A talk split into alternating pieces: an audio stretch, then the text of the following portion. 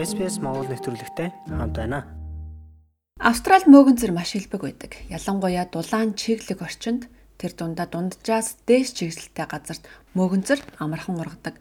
Энэ жил бороо хур ихтэй чигшил өндөр байгаа ч мөөгөнцөр үүсэх таата нөхцөлийг бүрдүүлж байна. Саяхан болсон их үерийн дараа урд өмнө хизээж байгаагүй мөөгөнцөр тархаж эрүүл мэндэд аюултай асуудал үүсгэж байна. Мэргэжилтнүүдийн үзэж байгаагаар саяхан үерт авцсан Queensland болон New South Wales-ийн зарим хэсэгт мөөгөнцөрт ихээхэн автаж байгаа бөгөөд үүнийг арилгах гэж оролдох нь эрсдэлтэй өндөр өртөгтэй байдаг. Тиймээс мэрэгжлийн хүмүүст хандах нь зүйтэй гэж зөвлөж байна. Мөөгөнцөр нь чихтэй агааржуулалт муутай газарт хамгийн сайн ургадаг үрэнцрээр тархдаг юм байна. Энэ үрэнцэр нь агаарт байдаг бөгөөд мэдрэмтгий эсвэл харшилтай хүмүүс энэ агаараар амьсгаснаар эрүүл мэндэд нь тодорхой хүндрэл учруулдаг юм байна. Австралийн нийт айлуудын 50 орчим хувь нь ямар нэгэн байдлаар мөөгөнсөртэй байдаг. Хүмүүсийн эрүүл мэндэд ноцтой асуудал үүсгдэг гэж Дэлхийн эрүүл мэндийн байгууллагаас тооцоолжээ. Мөөгөнцөр нь даавуу, хувцас болон бусад эд зүйлсийг гэмтээж дахин хэрэглэх боломжгүй болгох тохиолдолч бий. Энэ дундаас хамгийн гол санаа зовоож байгаа асуудал бол нийгмийн эрүүл мэндэд үзүүлж байгаа нөлөө юм гэж албаны хүмүүс мэдээлж байна. Австралийн анагаах ухааны нийгэмлэгийн дэд ерөнхийлөгч доктор Крис Мой хэлэхдээ мөөгөнцрийн аюулд өртөх магадлалтай хүмүүс нь харшилтай, амьсгалын замын асуудалтай эсвэл дархлаа суларсан хүмүүс байдаг гинэ. Хамгийн түгээмэл тохиолдох эрсдэл бол харшил. Астм өвчтөй эсвэл экземтэй хүмүүс мөөгөнцрийн харшилтай байдаг. Ийм үед магадгүй хамгийн эрсдэлтэй байдаг. Харин бусад хүмүүсийн хувьд нүд хамар хоолойг зочроод захтнаадаг. Харин ховор тохиолдолд уушигны хүнд өвчин үүсгэж уушиг эсвэл синусын шууд халдварладаг гэх мэт хүнд хариу үйлдэл үзүүлдэг байна. Сидней их сургуулийн судлаач архитектурын ахлах багш доктор Ариана Брамбелата бид нар ярилцсан юм а. Тэрээр саяхан чиг ба барилга байгууламжийн тухай ном гаргасан юм. Тэрээр хэлэхдээ дунджаар 3 байшин тутмын нэг нь хид чигшилтэй хөгц мөөгөнцөрт өртөж хүний эрүүл мэндэд ихээхэн нөлөөлж байгааг хэлээд энэ нь засвар хийх зардал гаргахад хүргэдэг гэлээ. Ер нь мөөгөнцрийн нэг шалтгаан нь тухайн байшин шинэ хуучин байснаас үл хамааран битүү орон зайд байх дуртай хүний зан үйл мөөгөнцөр үүсгэх таатай нөхцөлийг бүрдүүлж байгааг анхааруулж байна. Хэрэг бид шинээр баригдаж байгаа барилгуудыг харвал ямар хязгаарлагдмал байдалд байгаагаа харж болдог. Орон зайг агааржуулах хэрэгтэй Ялангуяа гэр дотроо дасгал хийдэг угаасан зүйлсээ гэр дотроо хатаадаг бол тиймээс хуучин барилга, шинэ барилга хоёулаа мөөгөнцөрт автах эрсдэлтэй гэж бид хэлнэ. Old building and new buildings can suffer from mold growth equally. Мөөгөнцөр хүний эрүүл мэндэд үзүүлэх нөлөөг энэ хэсэгт тайлбарлахыг хичээе. Мельбурн хотод амьдардаг Амита Пьяца олон жилийн турш түрээсийн байранд амьдарсны дараа шинж тэмдгүүд илэрч эхэлсэн байна. Гэхдээ түүний эрүүл мэндийн янз бүрийн асуудал нь хөгц мөөгөнцөртэй холбоотой байсан гэдгийг ойлгоход олон жил зарцуулжээ. There was a vast array Шинж тэмдгүүд янз бүр байсан. Шууд эрүүл мэндтэй холбоотой ч байсан, бас танин мэдэх чадвартай минь холбоотой, эсвэл зан үлийн шинжтэй ч байсан гэж болно. Хамгийн ихнийх нь тархины манан. Би юу хийж байгаагаа ойлгохгүй, богино хугацааны ой санамжаа алддаг байсан. Ярьж байхдаа үгээ онж хэлж чадахгүй, заримдаа ажил дээр уулзалт дээр би юу ярихаа мэдэхгүй, бүр таг харанхуй юу санахгүй болчихдог байсан. Миний хувьд хамгийн муу шинж тэмдэг бол архаг ядаргаа. The worst symptom for me was chronic fatigue. Тэрээр гэрээсээ ажиллаж эхлэх үед түүний шинж тэмдгүүд улам дордож байгааг анзаарсан бөгөөд үүнд жижиг шарах хөхөрсөн зүйлүүд нь удаан эдгэрч байгааг ч мэдэрчээ. Эдгээр шинж тэмдгүүдийг даван туулахад тусалсан хоёр зүйл байгаа гэж тэрээр онцоллоо. Эхнийх нь мэдлэг, дараа нь зайлс хийх. Ингээд хөгц мөөгөнцөр хүний эрүүл мэндэд үзүүлэх нөлөөлийн талаар судалж эхэлсэн бөгөөд усан дидэгдсэн түрээсийн байрнаасаа нүүхэр шийджээ. Хөгцсний тухай ном уншиж эхлэхэд яг л ээ бурхан минь энэ сүүлийн 10 жил надад тохиолдож байсан бүх шинж тэмдгийг тайлбарлаж байна гэж бодогдож байлаа. Энэ нь миний хувьд маш том нээлт болсон. Дараа нь өөрийгөө эмчлэх гэж оролцсон. Гэхдээ эмчилгээний хамгийн хүлээн зөвшөөрөгдсөн эхний алхам бол үнэндээ зайлс хийх юм. Тиймээс усан дидэгдээгүй, мөөгөн цөрдөөгүй шин байр олох хэрэгтэй болсон. Water damaged and didn't have mold. Тэрээр 39 настай өөрийн хамтран амьдрагчтайгаа амьдардаг юм байна.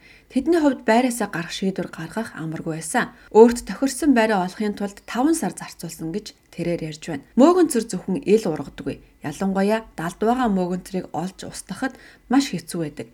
Тиймээс мөөгөнцрийг цэвэрлэх ажлыг мэрэгжлийн хүнээр хийх нь зүйтэй гэж доктор Брамбела ярьж байна. It's highly difficult and we always recommend to not do it. Бид хүмүүс гэртээ өөрсдөө битгий хийгээрэй гэж зөвлөмөр байна. Заримдаа хэрэгэлдэг химийн бодис нь хортой байж болзошгүй юм. Наад өнгөн талыг нь угаах амархан. Гэхдээ хөгцсөний асуудал нь ханны дотор талд байгаа тул бид зүгээр л гадаргууг нь цэвэрлдэг. Гэхдээ хөгц далд хэвээрээ үлдсэн байдаг. Тиймээс энэ нь урт хугацааны шийдэл болохгүй. Богино хугацаанд хамгийн сайн арга бол орон зайг агааржуулах, хэд чигшлийг арилгах. Дараа нь нөхцөл байдал хэр хүнд байгааг үнэлж чадах мэрэгжилтэнг дуудах явдал юм а.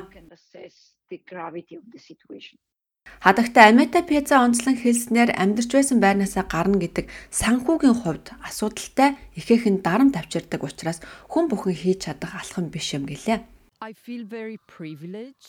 Намайг гэрээсээ нүүж байраа солиход зогсохгүй имчилгээнд манд тусалж чадах сайн ажлын байртай байсандаа би маш их баярлалаа. Гол нь хөгцсөний өвцнөөс ямар ч нөхөн олгоор авдаггүй. Үл хөдлөх хөрөнгийн зах зээл дээрх хууль тогтоомж нь нөхөн олгорыг хэлбэр олгоход саад болж байна гэж би үздэг. Үүний зэрэгцээ судлаачид барилгад чийг үүсгэхийг хянах, хөгц тархахаас урьдчилан сэргийлэхийн тулд илүү үр ашигтай материал ашиглахыг дэмжих шинэ стратеги аргыг боловсруулж байна. Гэхдээ одоогоор хатуу зохицуулалт байхгүй. 2020 оны 3 дугаар сард Австралийн биотоксинтэй холбоотой өвчний талаар холбооны засгийн газрыг санал асуулга явуулахад муж нутаг дэвсгэрт барилга байгууламж дах чийг хөгц үүсгэхээс урьдчилан сэргийлэх арилгахтай холбоотой одоогийн барилгын норм стандартын нийцлийг талаар зарим нэмэлт судалгаа хийхийг зөвлөсөн байна. Лүжи Рослигийн фермийн туслах архитектор Диана Ян хэлэхдээ хууль тогтоомж нь чийгээс урьдчилан сэргийлэхийг зохицуулдаг гэж шинэ барилгад дагаж мөрдөх шаардлагатай дүрм журмууд стандартууд байдаг гэлээ. With the Building of Code of Australia, there are some specific rules that are set out. Австралийн барилгын тухай хууль тодорхой дүрмүүд байдаг. Барилгад хэрэглэх ус нэвтэрдэггүй цаасыг хэрхэн ашиглах. За бас нэг дүрм бол агааржуулалт. Дотор талд чигчл хуйрамтлагдвал түүнийг арилгахын тулд сайн агааржуулалт хэрэгтэй. Дараагийнх нь дээврийн орон зайн агааржуулалтанд онцгой анхаарал хандуулдаг. Тиймээс хэрв танай байшин дотор яндангийн системтэй бол конденсацийг хуримтлалт нөлөөлж хөгц үүсгэхэд хүргэдэг. Um, exiting the building in the you know uh, and and not being held up anywhere. Барилгын чанарыг сайжруулах судалгаа үргэлжилж байгаа тухай доктор Брамела ийхүү ярьж байна on the research stage and like also how the construction sector is moving. Судалгааны шатанд барилгын салбарт эдгээр стратегийг хэрэгжүүлэхээр төлөвлөж байна. Шинэ заалтууд нь бид барилгын чанарыг хэрхэн сайжруулах талаар судлаж байгаа юм. Жишээлбэл бид нар ариун цэврийн өрөө гих мэт чигшил ихтэй газарт ус нэвтрүүлдэггүй материалыг хэрхэн байршуулах, дотор чигслийг арилгах, хана хаагаараа амьсгалах ёстой гих мэтчлийг судлан нарийн тооцож байна to exhaust the excessive humidity that can be accumulated inside. Сүүлийн үед Queensland болон New South Wales-ийн томоохон бүс нутгуудад чигийн хуримтлалаас үүдэн тентхийн иргэдэд эрүүл мэндийн эрсдэл учирч байна. Доктор Мой хөгц мөөгөнцөр гэрт нь үүсэж байгаа хүмүүст хэрхэн өөрийгөө хамгаалах талаарх зөвлөгөөг өгч байна. Ийм мөөгөнцөртэй орчноос хол байхыг хичээгээрэй. Эхний нэг зүйл бол боломжтой бол цэвэр агаарт байхыг хичээх явдал юм. Харамсалтай сүүлийн үеийн үерийн нөхцөл байдлаас болж чиг ихтэй байгаа тул хөгц мөөгөнцөрт өртөж байна. Тиймээс аль болох хуурайшруулах хэрэгтэй. Цонхоо онгойлгож эд зүйлсээ хата. Хэрвээ хевс гих мэд амар хатахгүй зүйлт нь усанд аль хэдийн авцсан бол гэрээсээ гаргаж хайхан зүйтэй гэж зөвлөж байна. Хэрвээ ийм мөөгөнцөртэй орчноос холдох боломжгүй байгаа бол тохирсон маск зүүхийг зөвлөж байна. Танд өгөх бас нэг зөвлөгөө бол та мөөгөнцөр ихтэй орчинд амьдарч очих гэж байгаа бол мөөгөнцрийн үрэнцэр ам хамарт орхоос хамгаалах илүү сайн шүүдэг P2N95 маск зүүх хэрэгтэй. Хэрвээ таны гэрт мөөгөнцөр ургаж танд ямар нэгэн шинж тэмдэг илэрсэн бол өөрийн эмчтэйгээ ярилцаарай. Мөн ямар арга хэмжээ авч болох талаар дэлгэрэнгүй мэдээлэл авахыг хүсвэл өөрийн амьдарч байгаа мужи орон нутгийн холбогдох газрын цахим хаягаар орж үзээрэй.